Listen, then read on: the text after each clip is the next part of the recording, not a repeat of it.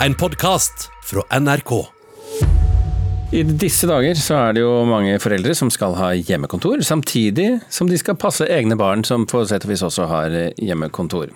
Og Er barna små, så er jo det selvfølgelig en del utfordringer knyttet til det. For hvordan skal man da klare å holde skarpt fokus og gjøre jobben sin som vanlig? Ta godt vare på små barn som kanskje vil ha mamma og pappas oppmerksomhet kontinuerlig. Eh, her skal du få et lite glimt av den opplevelsen hjemme hos familien Holm Benestad. Jeg har hjemmekontor jeg nå, Vilmi. Nei! Jo, jeg har det.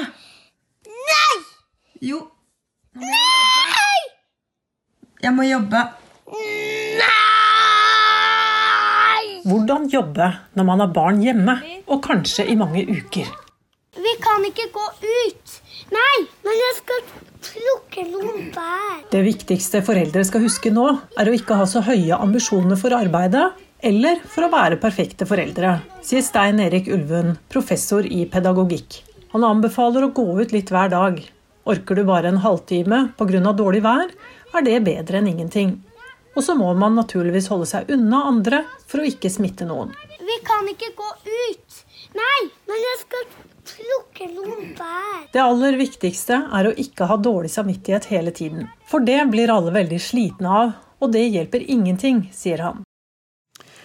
Reporter her var Elisabeth eh, Grøndal, og en av de vi snakket med i denne saken, Anne.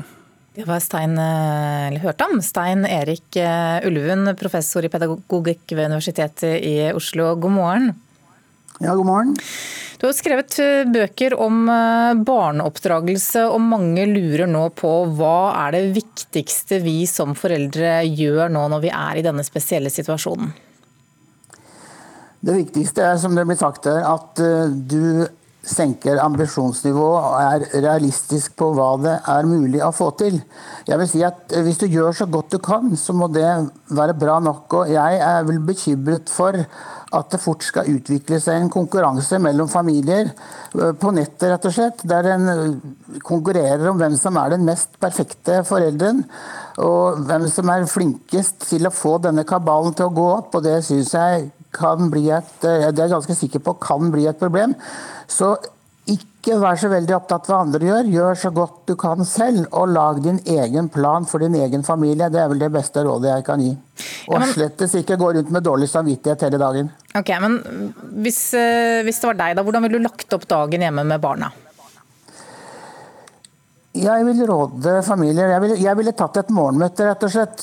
Kanskje i forbindelse med frokosten, og snakke litt med tilpasset selvfølgelig alder hva som skal skje om dagen. Nå er det heldigvis sånn, som også dere har vært inne på, at skolene har jo et opplegg. sånn at for barn som går på skolen, så er det egentlig mye enklere. Den største utfordringen har jo de som har barn i førskolealder. fordi at For det første så må en jo være helt sikker på at det ikke skjer hjemmeulykker. sånn at De må jo rett og slett passes på. altså En ettåring for eksempel, kan jo ikke gjøre hva han vil.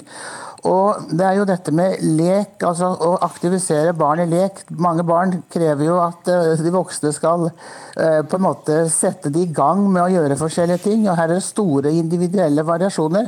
Og det er Foreldrene kjenner sine barn best, så de, de må prøve å finne et opplegg som, som gjør at det er variert, i hvert fall. Det å komme seg ut i frisk luft, det er kjempeviktig.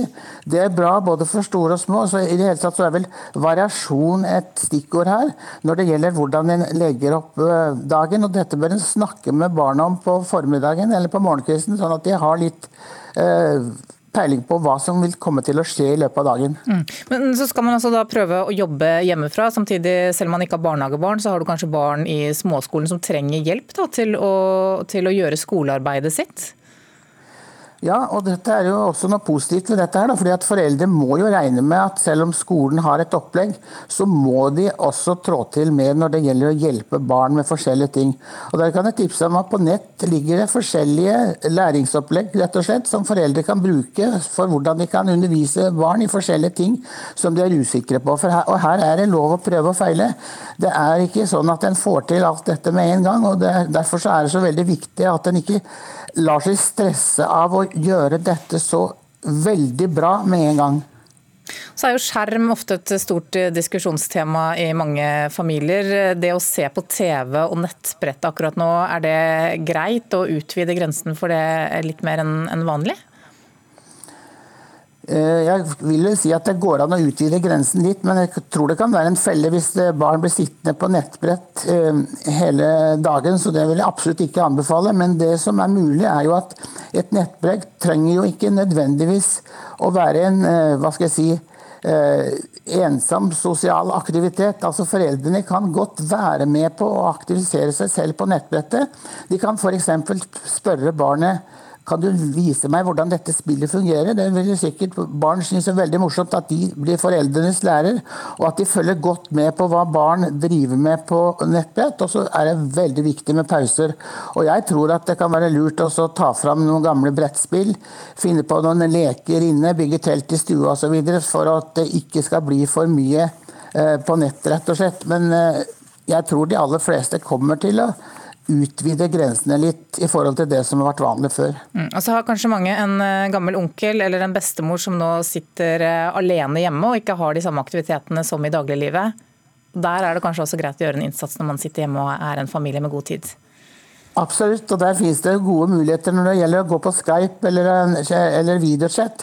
Og jeg vil jo anbefale alle kanskje til og med faste tider der de har treff med besteforeldre eller andre familiemedlemmer. Det er en veldig fin ting, og det vil også ungene synes er veldig morsomt. fordi dette er jo et ufrivillig, gigantisk sosialt eksperiment som vi aldri har prøvet, prøvet ut. Et ufrivillig eksperiment. Og vi vet jo ikke konsekvensene av dette, men det sosiale, dette med ansikt til ansikt ansiktskontakt den blir jo dramatisk redusert.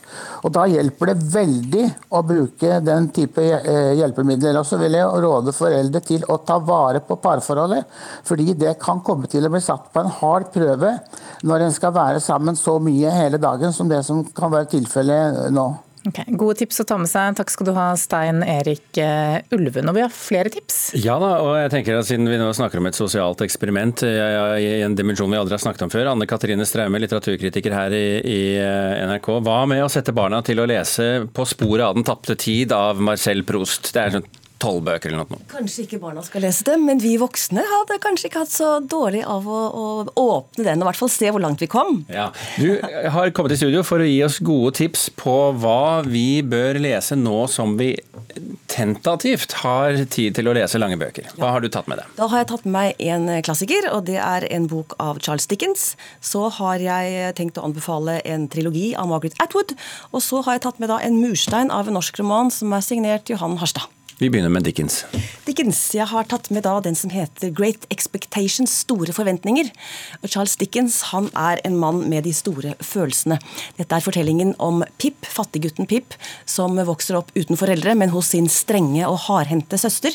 Eh, og eh, Dickens han folder ut oppturene og nedturene i livet til Pip. Dette er en bok som du hele tiden overraskes for, det, skjer noe nytt hele veien. Så det er en bok som med store endringer og store, store følelser det Dickens var så god på, var jo det at han beskrev samfunnet, og så beskrev han forholdet mellom folk. Og Dette er en bok som du kan le av, som du kan gråte av, og som er fint å være i over lang tid. Det er et miljø som lærer deg mye. Og, og, Siden den også kan leses på engelsk, er kanskje det også et tips for folk som vil brøsje opp engelsken sin litt? Noen ganger så tar jo det litt lengre tid enn vanlig hvis man leser på engelsk, så Og det er jo hele poenget. ja.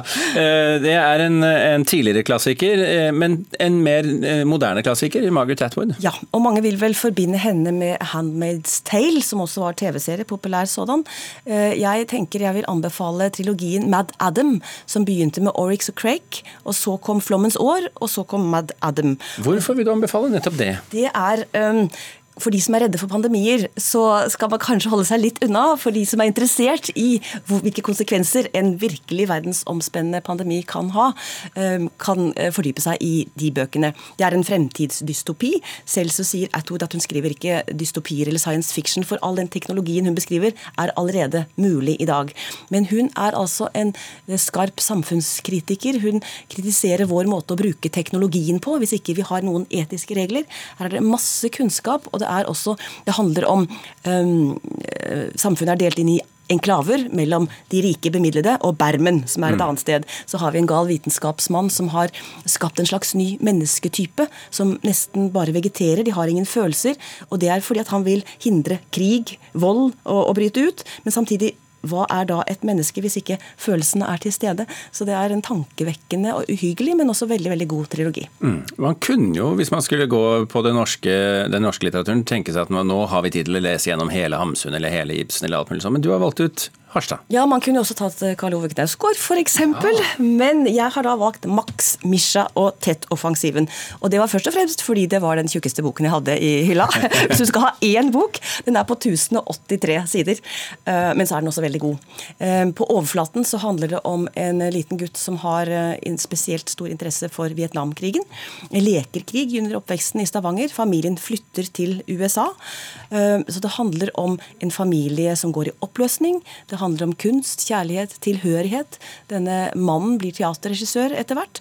Eh, Så det er en roman som jeg tenker, Hvis Dickens hadde de store følelsene, og Atwood hadde kunnskapen, så er dette en roman som forbinder kunnskap og følelser. Den har så mye, så den vil jeg absolutt Du har tenkt gjennom dette, du. Og det er mange flere bøker å Ja, ja, anbefale også, så nå er det bare å lese. Gå til bokhyllene, folkens. Eh, Få med dere det dere klarer, og les. eh, Anne Katrine Straume, takk for tipsene.